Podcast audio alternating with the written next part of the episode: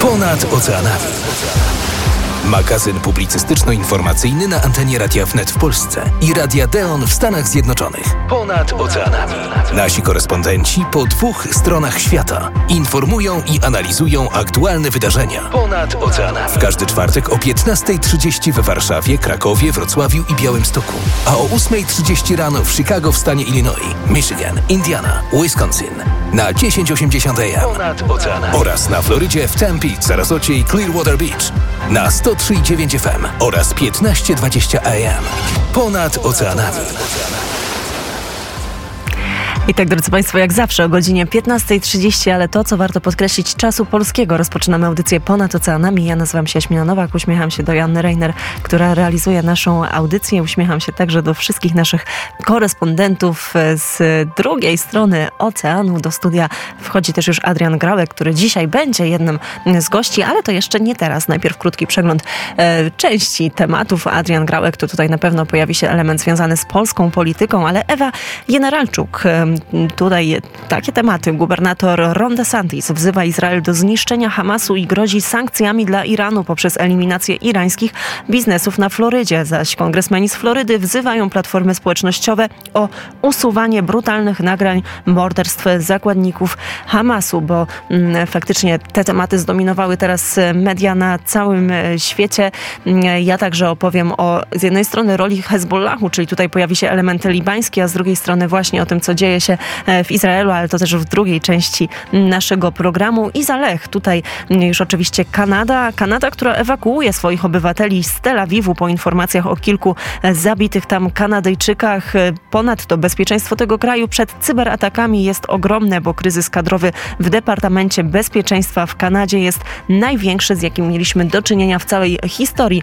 I na zakończenie Podróże w kraju stają się niemożliwe dla większości, kiedy ceny biletów lotniczych i kolejowych osiągają niebotycznie wysokie e, sumy. Drodzy Państwo, pojawi się jeszcze Dmytro Antoniuk, to tutaj informacje prosto z Kijowa. Pojawi się zespół Studia Londyn, czyli Iza Smolarek i Aleks Sławiński, ojciec Paweł Kosiński, a także Zbyszek Dąbrowski. I tutaj już wiadomości z Ameryki Łacińskiej, Ameryki Południowej. To wszystko przed nami, no to teraz rozpoczynamy i wędrujemy prosto do Zylech. Ponad oceanami. Dzień dobry. Witam wszystkich niezwykle serdecznie w kolejnym naszym czwartkowym spotkaniu. Wszyscy teraz skupieni jesteśmy na tym, co dzieje się w Izraelu. Ciągle myślimy o Ukrainie i niecierpliwie oczekujemy naszych rodzimych, niezwykle ważnych wyborów. Ale poza tymi gorącymi tematami życie toczy się dalej. I także inne wiadomości docierają do nas z całego świata. Ale co słychać w Kanadzie? Oczywiście, tak jak wiele innych państw, tak i Kanada uruchomiła program ewakuacji swoich obywateli z Izraela. Na początku podkreślając, że będzie to miało miejsce tylko z Tel Awiwu, ale rząd intensywnie pracuje nad tym, aby można było zabierać Kanadyjczyków również z innych lokalizacji w tym kraju. Ale tu w kraju równie nieciekawie, bo oto Organizacja Bezpieczeństwa Łączności, jedna z agencji federalnych, których zadaniem jest przeciwdziałanie obcym ingerencjom, przeżywa niezwykle poważny kryzys kadrowy. Agencja przechwytuje i dekoduje komunikację zagranicznych celów, które mają za zadanie zaszkodzić Kanadzie. Odpowiada także za ochronę sieci komputerowej rządu federalnego i doradzanie operatorom infrastruktury krytycznej, takich jak banki, szpitale i szkoły, w zakresie sposobów ochrony przed cyberatakami, których tu w Kanadzie nie brakuje. I to kolejna instytucja po kanadyjskiej armii, służbie zdrowia i wielu innych, gdzie braki kadrowe są na naprawdę niebezpiecznym poziomie ale jedno cieszy, z przymrużeniem oka oczywiście, bo oto z Kanady łatwiej jest uciec, przynajmniej taniej. Ostatnie statystyki wskazują, że podróże zagraniczne są o wiele bardziej opłacalne niż podróże w kraju. Bo oto na przykład za siedmiodniowe wakacje na Kubie, all inclusive, w bardzo dobrym rezorcie. Teraz zapłacimy 800 dolarów od osoby. Dokładnie taką samą cenę zapłacimy za bilet lotniczy z Windsor do Ontario. Również za bilet kolejowy zapłacimy dokładnie tyle samo. Dodając do tego niebotyczne ceny hoteli, straszne ceny posiłków w restauracjach, zastanawiam się, że nie wiem jak Państwo, ale ja chyba zamienię syrop klonowy na kubańskie cygara. Dla magazynu Ponad Oceanami Iza Lech, Radio Deon. I to, drodzy Państwo, Iza Lech prosto z radia Deon, a my dzisiaj jeszcze będziemy łączyć się, oczywiście będziemy łączyć się ze Stanami Zjednoczonymi, co prawda mm, to już za kilka chwil, bo najpierw Dmytro Antoniuk i informacje jest prosto, prosto z Kijowa, a skoro o tym mowa, to już za momencik zajrzymy na wschodnią grupę Radia Wnet, bo tam na bieżąco przekazywane są informacje, także informacje prosto z frontu. W kierunku Kupiańska atakuje 50 do 100 żołnierzy rosyjskich. To jest informacja frontowa, zaś prezydent Wołodymyr Zełenski odbył posiedzenie połączonego sztabu zwierzchnika e, sił zbrojnych, a Dmitrij Pieskow, czyli rzecznik prezydenta Rosji, tym razem nazwał ważnym stworzenie rosyjsko-kirgijskiego wspólnego systemu obrony powietrznej, który oczywiście zostanie rozmieszczony w Kirgistanie, a już teraz mamy połączenie z Dmytrem Antoniukiem. Dzień dobry. Ponad oceanami. Dzień dobry i teraz e, mowa będzie o e, weselu e, pod Lwowem, e, które, mm, które miała e, para, para osób, które mm, pracowali w państwowych urzędach i po prostu nie mieliby mieć aż takie koszty na takie luksusowe wesele. Czyli chodzi o, tym, o to, że były prokurator Rościsław Ilnicki wziął dwudniowy luksus luksusowy ślub z Roxolaną Moskwą. Uwaga na e, oczywiście na nazwisko. E, byłą pracowniczką lwowskiej e, służby e, w, Państwowego Biura Śledczego w pięciogwiazdkowym kompleksie Emily Resort pod Lwowem. 7 i 8 października na tym e, święcie życia bawili się prokuratorzy, były pracownicy organów ścigania Państwowego Biura Śledczego, Urzędu Skarbowego i posłowie. Tak donoszę e, w Lwiw Media. E, w 20, 2019 e, roku 31-letni Rościsław Elnicki był zastępcą prokuratora rejonowego w Radziechowie. To jest niewielkie miasteczko w obwodzie lwowskim. Następnie planował zostać głównym prokuratorem obwodu hersońskiego, ale nie wyszło. A, mm, a kilka miesięcy temu e, do, e, dobrowolnie złożył rezygnację ze stanowiska prokuratora Peczerskiej prokuratury rejonowej w Kijowie. No i e, to wesele miało miejsce, powtórzę, dwa dni i 27-letnia e, narzeczona e, Roxolana Moskwa nie wstrzymała się i po prostu w pierwszy dzień tego wesela wyłożyło to nagranie z tego wesela w swojej sieci, w jednej ze swoich sieci społecznościowych, co wywołało po prostu strasznie oburzenie w e, całej Ukrainie i po tym ona po prostu zamknęła e, komentarze pod e, tym dopisem, tak? Bo na tym weselu było około 300 e, gości e, w podlwowskim luksusowym e, rezorcie. Na wesele też narzeczona dostała na przykład bransoletkę od Bułgarii, która kosztuje około 38 tysięcy euro. Zaproszone też były gwiazdy estrady pop muzyki ukraińskiej.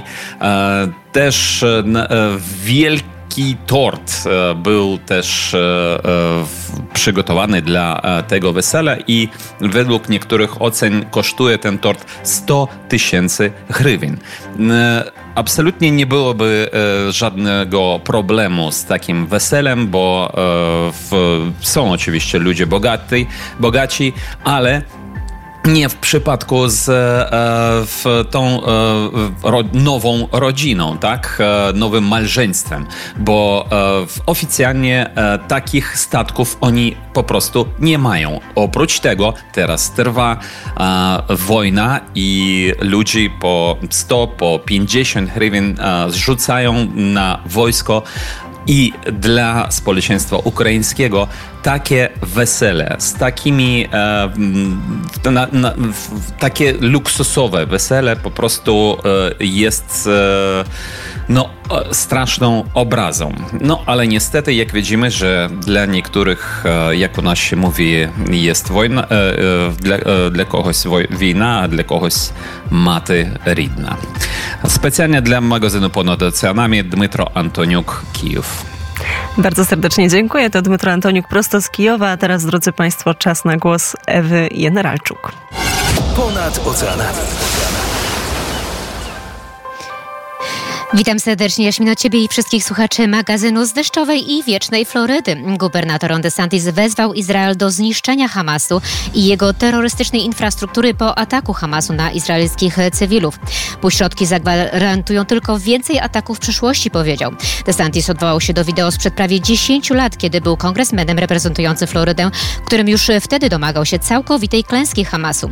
Hamas jest organizacją terrorystyczną, to ramię braterstwa muzułmańskiego. Powodem istnienia jest zniszczenie zniszczenie Izraela, a Hamas pragnie drugiego Holokaustu, powiedział ówczesny kongresmen DeSantis. Gubernator ogłosił, że zaproponuje ustawodawcom stanowym surowe sankcje przeciwko Iranowi, ponieważ jego zdaniem to Iran stoi za atakami terrorystycznymi Hamasu na Izrael. Podczas następnej sesji legislacyjnej przedstawimy propozycję zwiększenia działań wobec Iranu i zablokowania irańskiego biznesu w naszym stanie, powiedział DeSantis. Nasze proponowane ustawodawstwo oczywiście wzmocni zobowiązanie Florydy, że nie będziemy prowadzić interesów ze stanowymi sponsorami terroryzmu, kontynuował kontynuował gubernator. DeSantis obiecał wyeliminować irańskie podmioty, w tym sektor finansowy, budowlany, produkcyjny, tekstylny, technologiczny, wydobywczy, motoryzacyjny, żeglugowy, stoczniowy i portowy. Dodał, że wszystkie władze stanowe i lokalne nie będą mogły zawierać umów z przedsiębiorcami. Wezwał również zarówno prezydenta, jak i kongres do zaświadczenia, że Iran przestanie wspierać międzynarodowy terroryzm i zaprzestanie starań nabycia broni masowego rażenia i to będzie warunkiem, że sankcje mogą zostać zniesione w przyszłości. Tymczasem przywódcy z Florydy wezwali do ostrożności w używaniu kont w mediach społecznościowych, gdzie terroryści Hamasu udostępniają brutalne nagrania morderstw zakładników zabranych z Izraela. Republikańska kongresmenka z Florydy Anna Paulina Luna powiedziała: Otrzymujemy wiadomości, że terroryści Hamasu zamierzają transmitować na żywo i już przesyłają niektóre brutalne nagrania z morderstw, których dokonują, jak również filmy zakładników błagających o życie na osobiste konta ofiar w mediach społecznościowych. Te obrazy i filmy są niezwykle drastyczne i mają długo długoterminowy wpływ psychologiczny, kontynuowała Luna. Rodzicom zaleca się przestrzeganie wytycznych i monitorowanie mediów społecznościowych swoich dzieci w nadchodzących dniach. Senator Rick Scott natomiast wezwał Platformy Mediów Społecznościowych do agresywnego usuwania wszelkich takich postów, zaprzestania przekazywania wszelkiego wsparcia finansowego terrorystom i natychmiastowego usunięcia kont każdego terrorysty, grupy lub osoby udostępniającej te treści.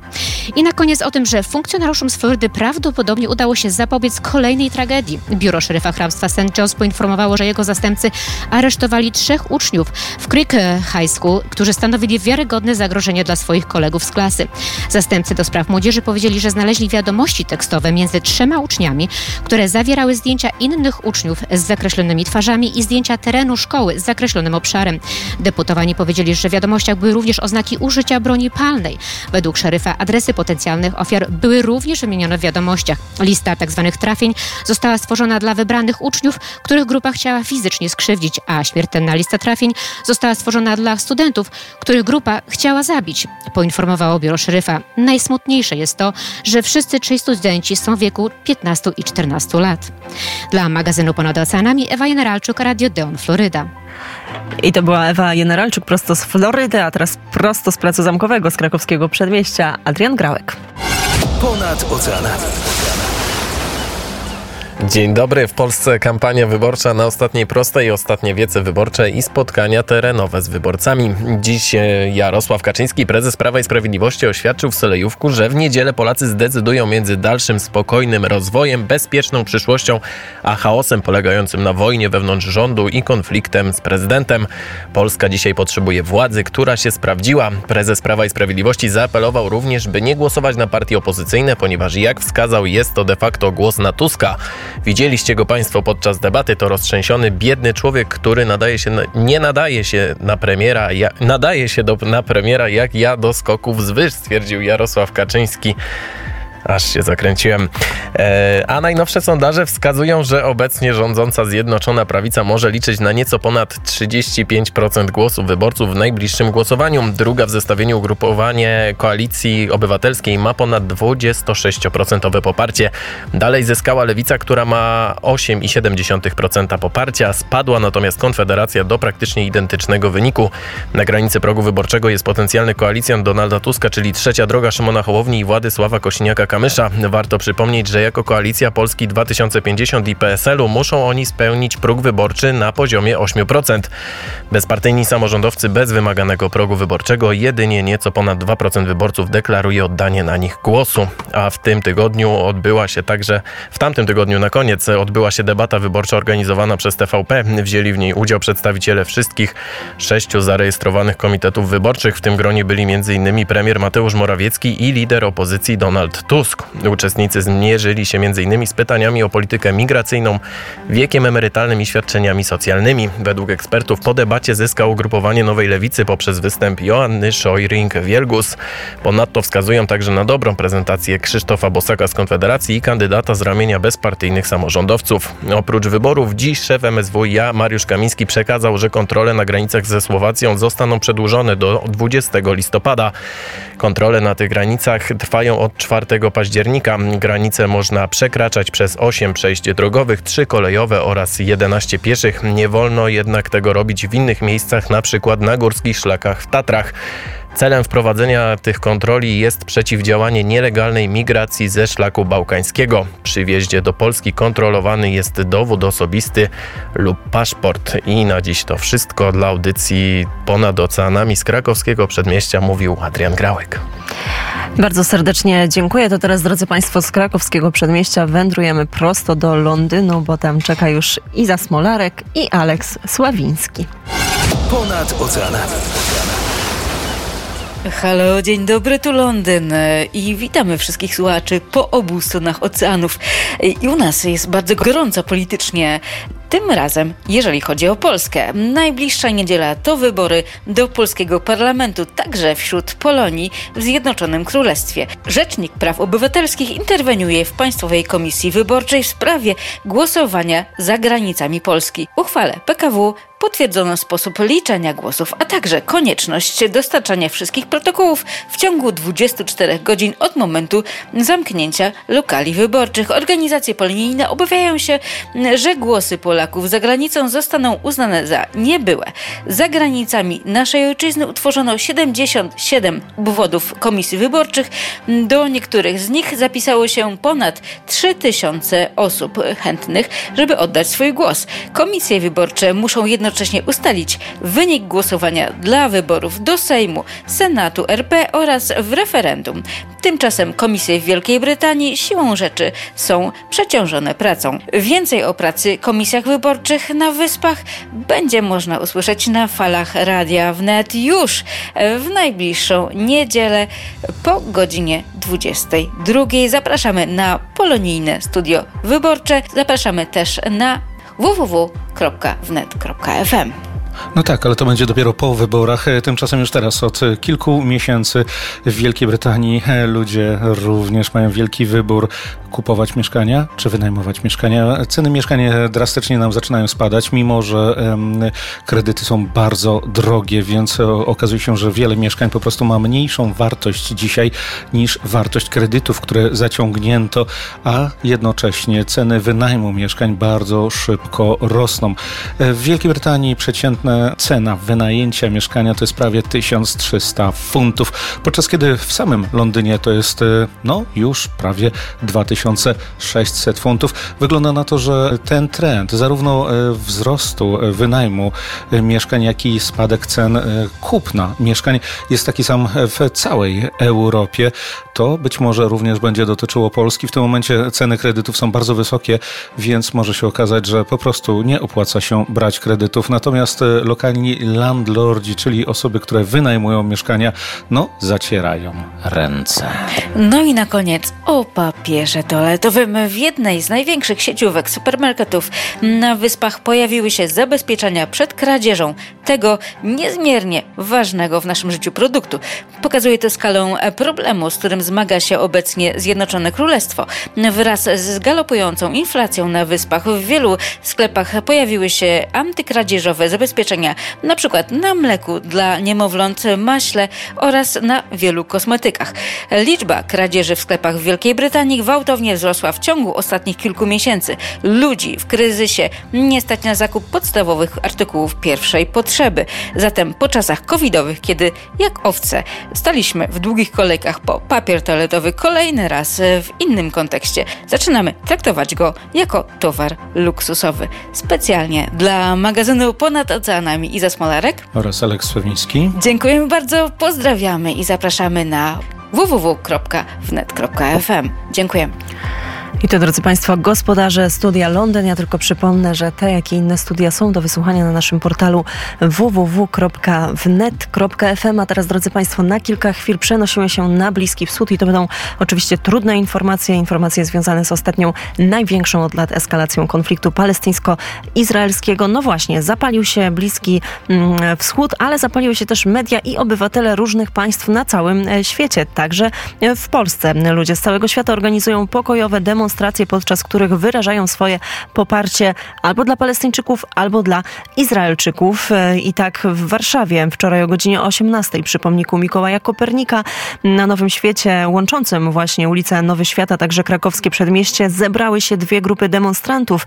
Część uczestników miała ze sobą biało-niebieskie flagi Izraela, a także świece i białe róże. Pozostali zaś manifestowali z flagami Palestyny, a także z plakatami, na których pojawiały się między innymi hasła takie jak Free e, Palestine, czy Wolna Palestyna, czy walka z, koloni z kolonializmem, to nie ter terroryzm. W centrum Warszawy także pojawiły się osoby z niebiesko-żółtymi flagami Ukrainy, ale co dzieje się w samym Izraelu i w samej strefie gazy?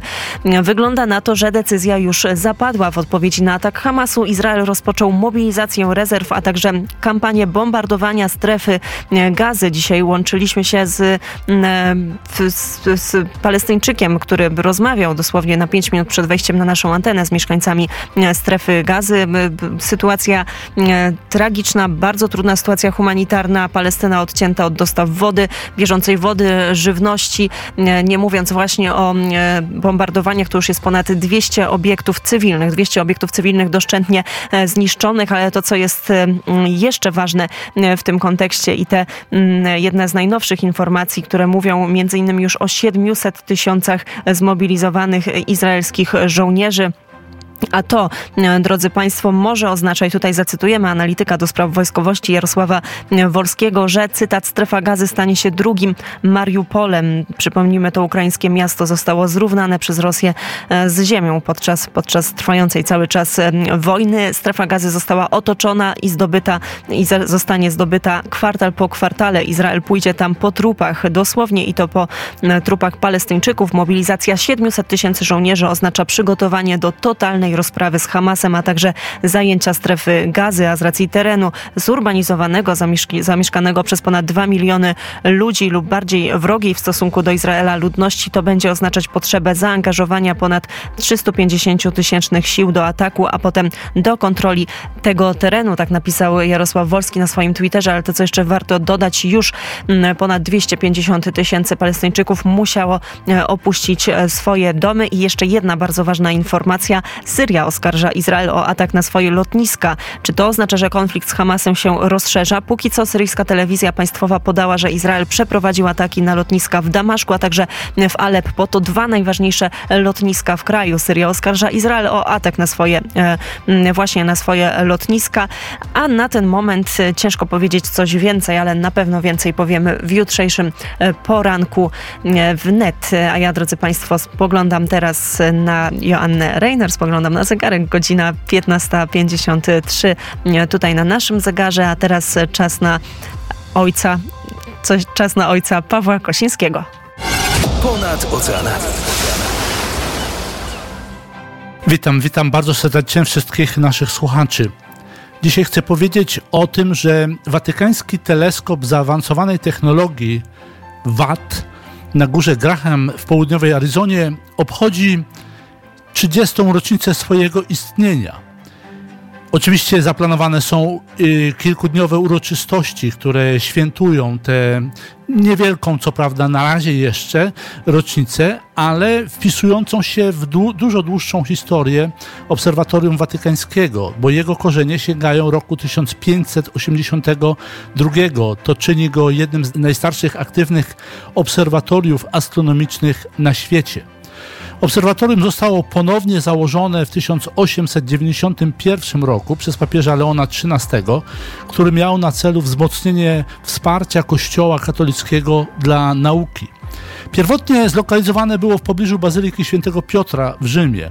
Tam zostało wzniesione i potem y, zostało przeniesione też za papieża Piusa XI do Castel Gandolfo z powodu zanieczyszczenia światłem y, w mieście Rzymie. W 1981 roku ponownie z powodu rosnącego zanieczyszczenia światłem obserwatorium uruchomiło kolejny ośrodek badawczy pod słynnym ciemnym niebem Arizony.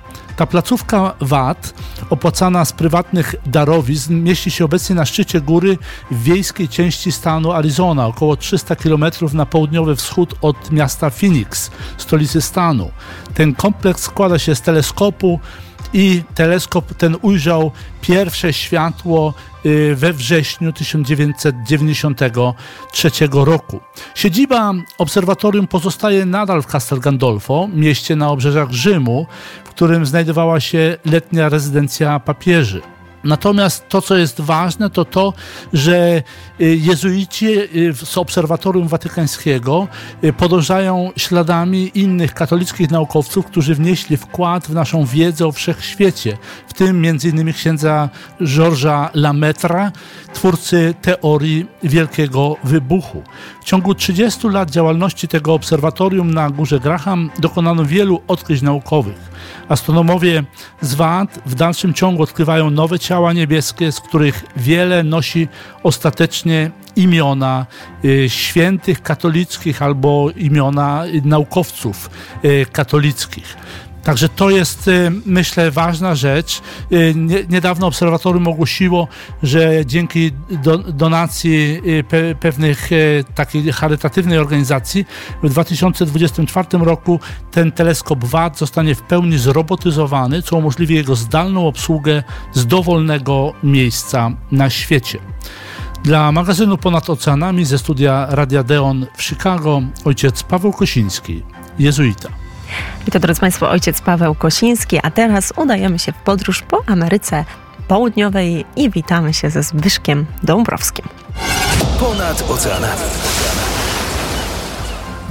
Dzień dobry, mój buenas tardes. W dzisiejszym wydaniu audycji Ponad Oceanami chciałbym podzielić się z Państwem troszkę refleksją na temat e, odzewu lotu amerykańskiego e, wobec terrorystycznego ataku Hamasu na Izrael. Otóż, proszę Państwa, Wydawałoby się mogło, że wobec silnej diaspory żydowskiej, która znajduje się na terenie kilku krajów Ameryki Łacińskiej, ten odzew potępiający atak terrorystyczny będzie silny.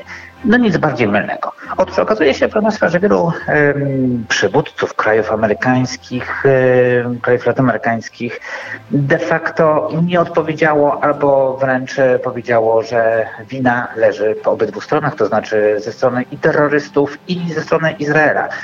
Takim, e, takie zdanie wygłosili chociażby przywódcy populistycznych krajów, e, tych niedemokratycznych reżimów Ameryki Łacińskiej, tacy jak Miguel Díaz-Canel z Kuby, Nicolas Maduro z Wenezueli czy Daniel Ortega z Wenezueli, ale również takie podobne zdanie wygłaszają, e, wygłosili prezydenci Meksyku Andrés Manuel López Obrador, Chile Gabriel Boric czy Kolumbii Gustavo Petro którzy mówią wręcz, zwłaszcza mówiąc tutaj o populistycznych przywódcach, wręcz o winie Izraela ewentualnie o winnych po obydwu stronach e, w kontekście marnego losu Palestyńczyków.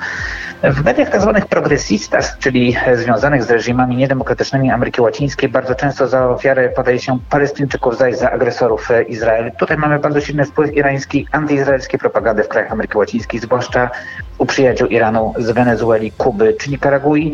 E, warto wspomnieć, również, że konflikt na Bliskim Wschodzie może stymulować działalność organizacji bliskowschodnich, e, terrorystycznych obecnych już na terenie Ameryki Łacińskiej, zwłaszcza Hezbollahu. Możliwe są ataki terrorystyczne na siedziby organizacji żydowskiej w Ameryce Łacińskiej, podobnych do tych z marca 1992 roku i lipca 1994 roku w Buenos Aires. Iran, proszę Państwa, jawi się jako atrakcyjny antyamerykański partner polityczny i gospodarczy. No i cóż, e, islamskie grupy terrorystyczne w Ameryce Łacińskiej żyją z handlu bronią, narkotykami oraz ludźmi. W tym przypadku można tylko się zapytać, dlaczego amerykańska administracja nie uznaje reżimów niedemokratycznych, takich jak wenezuelski czy nikaraguański, za kraje wspierające islamski terroryzm na świecie. Dla magazynu Ponad Oceanami Zbyszek Dąbrowski. Muchas gracias. Muchas gracias i muy buenas Tardes to był Zbyszek Dąbrowski, czyli gospodarz studia Tres i Republika Latina w Radio Wnet. Jeszcze garść podziękowań dla wszystkich korespondentów ze Stanów Zjednoczonych. Podziękowania dla Joanny Reiner, która zrealizowała program. Oczywiście dla Andrzeja Karasia, który jak zawsze dzielnie go wydał. Ja nazywam się Jaśmina Nowak, a po mojej prawej stronie czeka już Adrian Grałek. To oznacza, że czas na wiadomości w Radio Wnet. Ponad oceanami. Nasi korespondenci po dwóch stronach świata informują i analizują aktualne wydarzenia. Ponad oceanami.